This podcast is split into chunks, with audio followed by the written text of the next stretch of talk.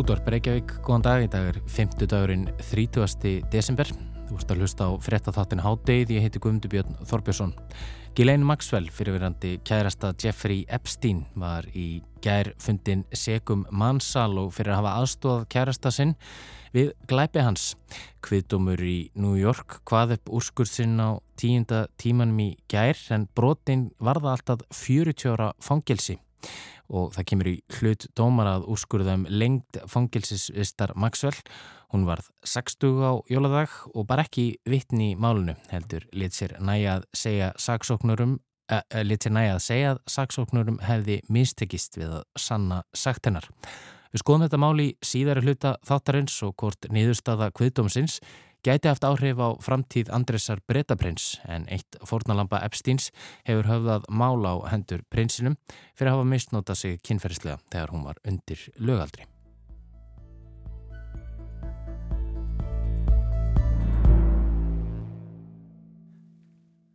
En við byrjum í heimi tækni og vísinda. Þetta hefur verið viðburðaríkt ára á þeim vettvangi, svo viðburðaríkt í rauninni að við fengum til okkar sérstakann tækni sérfræðing í óttúber, Kristínu Björg Bardal, hún er sest hjá okkur. Velkomin Kristína. Takk fyrir það. Kristína er eh, þáttastjóðandi utvi hlaðvarps skí og hún hefur komið hér vikulega og rætt um nýjustu tækni og vísindi og við ætlum að fara kannski svona núna Kristína aðeins yfir það helsta sem að hefur uh, komið upp á árinu í heimi tækni og vísinda. Hvað myndir þú svona segja að væri, já, bæri helst? Sko ég myndi segja að það sem beður helst er 4 júð veikleikin. Einmitt. Hann er alveg greiðlega stór við tölum um hann hérna síðast Mm -hmm. og ég held að fólk gerir sér ekki alveg grein fyrir því hvað er framöndan. Það er þessi veikleiki þessi eh, sem að við finnum í tölvukerfum stofnana og, og Já, þetta er sem sagt það að hérna, það var hægt að fara inn í ákveðin kerfi sem var Mhm. notuðu log 4 júð pakkan og það er búið að planta ótrúlega mikið á óverum inn í alls konar hugbúnaði. Og við hefum séð rosa mikla aukningu í netárusum auðvitað, við hefum séð mikið að gagna gíslatökum og líka bara hérna á Íslandi sem var Mhm. eitthvað mjög svona nálegt og, og fólk svona einhvern veginn fór að fatta í fyrsta sinn hversu mikið á, hérna, áhrif þetta getur haft, það voru heilu kortakerfin niðri og svo framvegis. Og þetta hefur kannski haft þau áhrif að fólk svona er farið að huga betur að sínu eigin persónulega neytur ekki. algjörlega og fyrirtæki eru farin að setja öryggisúttektir rosalega hátt í forgangsröðum sem er leiðis en það sem við munum sjá á, á næsta ári og bara næstu árum er aukning í 12 árusum vegna þess að þessi veikleiki sem kom hann fram og var bara fattaðist þannig í nógumbi desember hann er inn í rosalega mikið að tækjum á hugbúnaðunum og það er ótrúlega hlutir sem geta gerst út af þessu sem við veitum ekki af Og það er þá rauninni ekki búið að laga þennan, eh, þennan kvilla, ef við getum orðað. Um, hann til lagaður, hann, er, hann var lagaður en þau áður hann var lagaður var hægt að planta alls konar óveru inn þannig að við veitum ekki hvað er hann á bakvið. Þannig að þetta er rosalega, rosalega stórt. Mm en við getum eiginlega ekki tala um tæknina og tala um COVID þetta árið. Það er náttúrulega fyrirtæki eins og Zoom og allir þessar streymisveitur og þetta var alveg rosalega stórt í ár. Já. og eiginlega allir þú veist, setningin, þú ert á mjút er já, skorar alveg rosalega hátt. Og þessi fyrirtæki og þessar lausnir þróust alveg gríðarlega mm rosalega mikið. Zoom var til dæmis bara búið til til þess að hérna, vera með heimapróf eða svona munnlegt próf. Já, en þetta þróaðist núna í bara eitt stærst og mest notaða bara svona fundar fjárfundar fyrirkomuleg. mm og svo hefur þetta náttúrulega kannski breytt kannski bara á, ásýnd okkar til frambúðar á fundarhöld.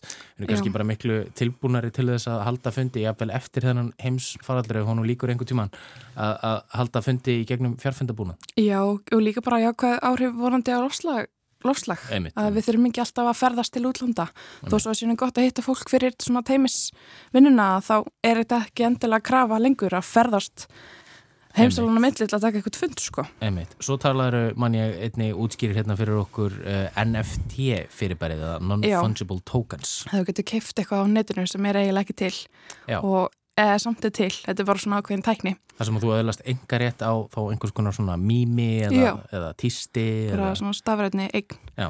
og þetta getur líka verið sprottið upp hérna, áhugin út af COVID því að kannski fólk er að leiðast og Mhm. finnst gaman að bjóði eitthvað svona sem er skemmtlegt og eitthvað sem er á netinu og, og fólk er að fylgjast með. Og þetta var svona mjög mikil tíska þarna bara held ég í hust mm Svo var Elon Musk, hann var ábrenda árinu Já, hann var valinn uh, maður ásins á Time, Time Magazine sem er svolítið svona umdeilt en hann náttúrulega bara með SpaceX og Umde, umdelt þá að hann hafi verið valinn maður ásins já, Já. bara svona er ríkasti maður heimsins, maður Mhm. ársins mm -hmm.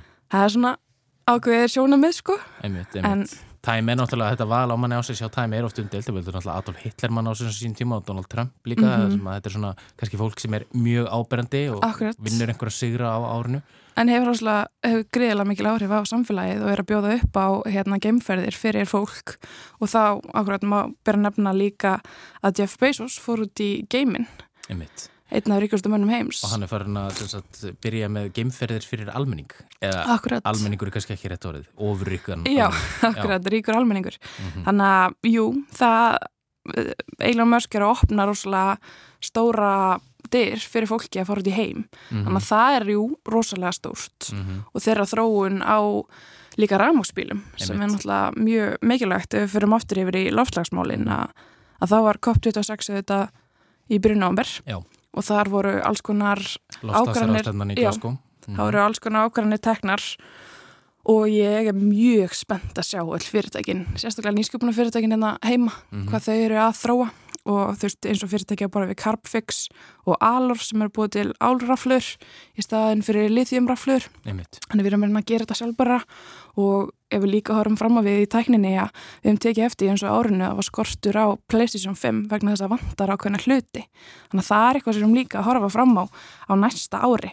Það verður áhverjast að sjá hvaða vörur verða aðgengilegar og hvað ekki. Því það skortur að bæði bara hráefnum og líka þá hefur COVID áhrif á framleyslu og sumuleiðis flutning á vörunum. Einmitt, það hefur stundu verið að tala um að PlayStation 5 sé kannski svona mest auglista varan sem er bara ekki í bóði fyrir neitt. Já, það er að setja upp svoleiði sko. Þannig að það er alveg alls konar spennandi og líka bara áhvert að fylgjast með vísindaskálskap nútímans að því að Facebook gaf út þarna metavers Mm og það var akkurat vísindaskálskapur fyrir mörgum árum síðan. Einmitt. Þannig að það er líka rosa spennandi þessi, þessi síndar veruleiki hvort Einmitt. við erum að þróast þar, Þessi- að það sé framtíðin. síndaveruleika heimur sem, að- sem að Facebook er já, búin að gefa út að þau sé að fara að þróa en við getum þurft að býða ára tugi þar til að hann verður að veruleika. Akkurat. Einmitt það. Og svo eru náttúrulega, eins og nefndir, það eru, það eru allskins, uh, það eru allskins tækninýjungar og, og framfærir í vísindum framöndan vonum við og við kannski bindum einna helst vonir við að, að þær geti hjálpað okkur að, að ráða niðurlögum þessa heimsfaraldurs Já, lækna vísindin. Einmitt og auðvitað um, aðstóð okkur í baráttu við lofslagsvána en kæra þakki fyrir komuna í háttegið Kristjana, við sjáum þeir aftur á nýja ári. Háttegið snýr aftur strax að loknum háttegisfréttum og þá ætlum við að fjalla um Ghislaine Maxwell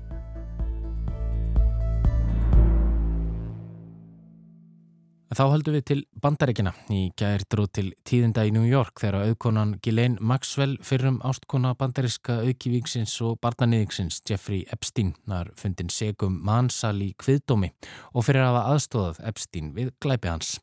Málið gæti haft áhrif á Andrés Bretaprins.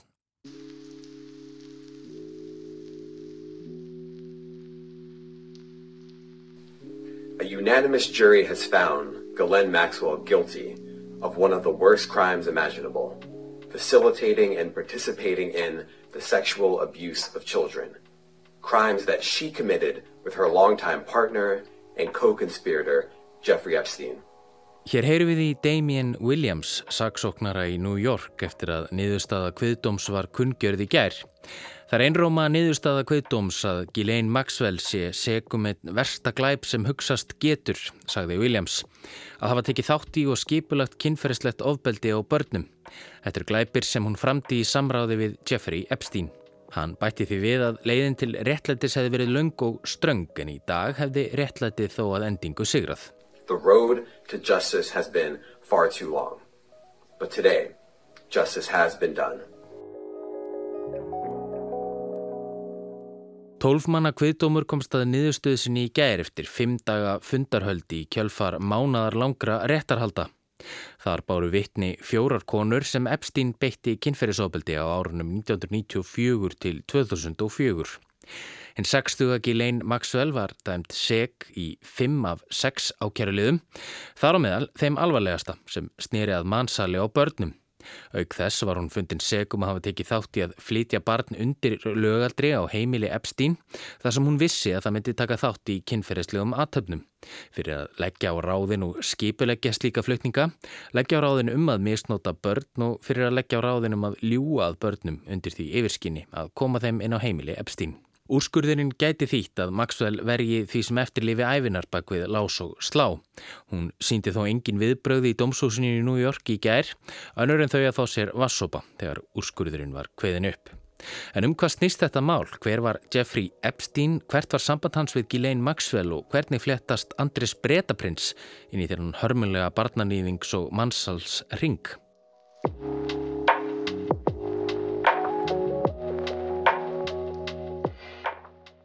Fjárfæsturinn Jeffrey Epstein tók eigið líf í fangaklefa í ágúst 2019. Hann hefði þá verið handtikinn í tengslum við stórtækan kynlífstrælkunarring sem hann var í forsvari fyrir. Epstein efnaðist vel á nýjunda áratögnum af fjármálaráðgjöf og á þeim tíma aðstóði hann og vingaðist við marga auðu á valdamikla menn á boru við Bill Gates, Woody Allen og fyrrum bandarækjafórsetta þá Bill Clinton og Donald Trump og Andres Bretaprins sem við víkjum betur að síðar. En Epstein var vist ekki bara fjármálaráðgjafi sem áttu valda mikla vini. Hann var líka barnanýðingur og þrátt fyrir að hafa verið dæmdur árið 2016 fyrir að tæla til sín með skipilöðum hætti fjöldastúlkna sem hann vissi að væri undir lögaldri og greiða þeim fyrir kynlíf helt ofbeldið áfram að 13 mánada fangilsistómi liðnum. Hann var handtekinn í annað sinn árið 2019 og þá ákerður fyrir mannsal og fyrir að hafa stjórnað við þeimum samtökum sem stunduðu mannsal og barnanýði í Flórida og New York. Rannsókn á málum Epsteins leiti í ljós að hann hafði um ára beil brotið kynferðislega á hundruðum stúlkna, flestum á aldrinum 13 til 16 ára. Hann greiti þeim fyrir ymsar kynlífsatabnir um 2-300 dollara fyrir skiptið. Stúlkurnar áttu það flestar sameinlegt að vera frá bástöldum heimilum, fósturheimirum eða jafnvel af götunni. Epstein bauð þeim leið til betra lífs og lofaði gulli og grænum skóum í skiptum fyrir greiða. Þá fengu þær einni greitt fyrir að finna nýjar stúlkur fyrir hann. Réttarhöldi við Jeffrey Epstein hófust aldrei en það hengdi hans í fangaklefa sínum í byrjun ágústmánaðar 2019.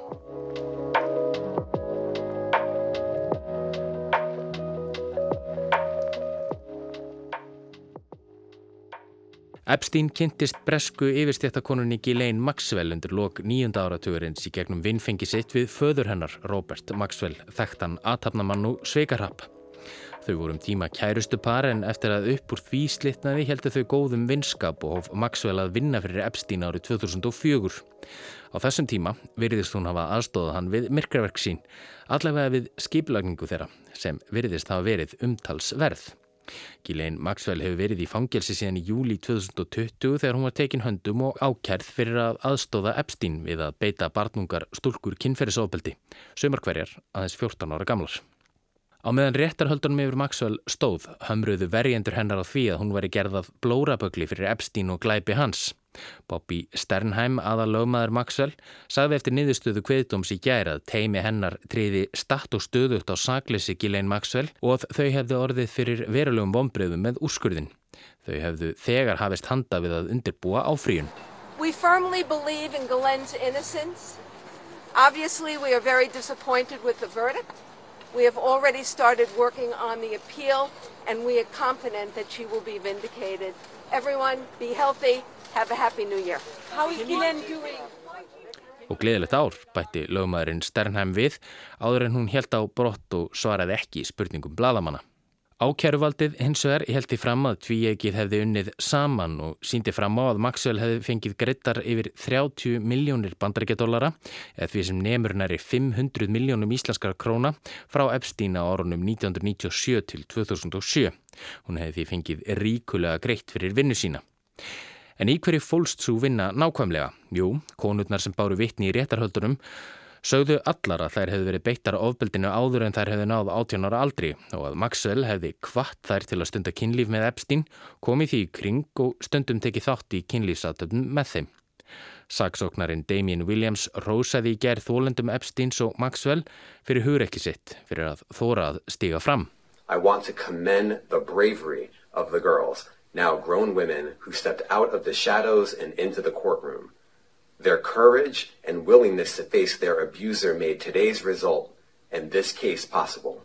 Ekki er komin dagsetning fyrir dómsuppkvæningu í máli Maxwell en þá kemur í ljós hver þungar efsingarnar verður sem fyrir segir vinnur lögfræðingateimi hennar nú að áfríun og því má gera því skóna að Maxwell viti ekki hver örlög hennar verði alveg strax en eins og staðanir núna lítur þetta ekki vel út fyrir hana.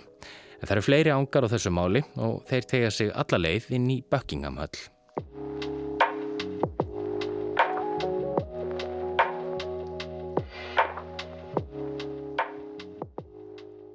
Vinnfengi Andresar Bretaprins, hertuans af Jórvík og yngri bróður ríkisarrans Karls við Jeffrey Epstein var löngu þekkt áður en sögusagnir um kynferðisbrót Epsteins fóru að heyrast.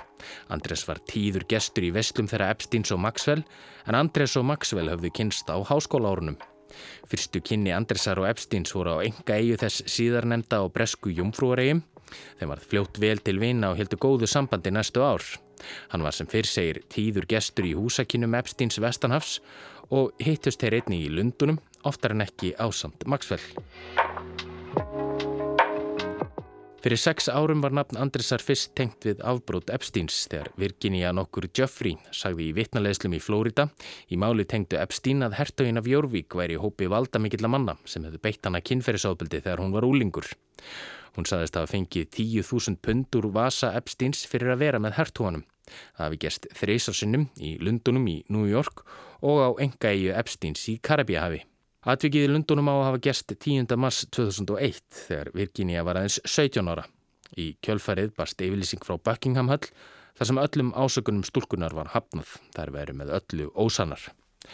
Jeffrey hafðaði þá engamál á hendur hertugunum í New York fyrr á þessu ári, máli sem prinsinn hefur krafist þess að verði vísað frá. Andres, sem nú er 61 ás, hefur ávalt neitað ásökunum. En hefur úrskurður kvitumsins í gær einhver áhrif á mál Andresar prins? Ekki endilega. Ghislaine Maxwell var eini sakbortningurinn í því máli og enn sem komið er sætir Andres ekki ákjæru í bandaríkunum, þó svo að Virginia Jeffrey hafi hafðað mál gegn honum. Hins vegar er ljóst að nú hefur náinn vinkona prinsins verið dæmt seg og það var vinnur hans Epstein líka. Virginia Jeffrey var ekki kölluð til vittnis í réttarhöldunum sem hefur vakið nokkura aðtegli. Fréttaskýrindur Vestanhafs gera því skóna að nærvera hennar hefði mögulega tekið aðteglina frá afbrótum Maxwell og fært hana yfir á meint afbrót prinsins. Andres var ekki nefndur á nafn í réttarhöldunum yfir Maxwell en segja má að ára hans hafi verið yfir og allt um kring. Á næstu vikum verður sáttagerð eða samkómulag frá árinu 2009 milli Jeffrey Epstein og Virginia Jeffrey gerð ofinberð. Það er liður í engamáli Jeffrey á hendur Andresi Brins. Lögmaður hans segir að sáttargerðin losi Andres undan málsókn Jeffrey en það hafi Epstein sagt að snerta alla þá sem gætu lögsóttan. Lögmaður Jeffrey segir hins vegar að Andres verði hverginari lausmála en fjalla verður um mögulega frávísun málsins fyrir rétti í Manhattan þann 4. janúar.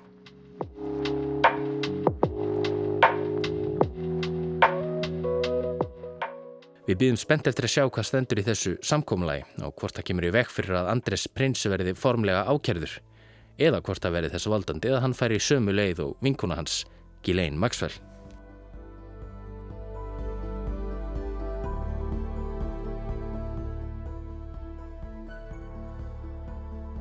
Þetta verða lokaorðin í hátteginu í dag og lokaorðin í hátteginu á þessu ári. Við þökkum samfélgina á árinu sem nú er að líða og heyrumst aftur á mánudaginn á nýja ári. Verið sæl og gleðilegt ár.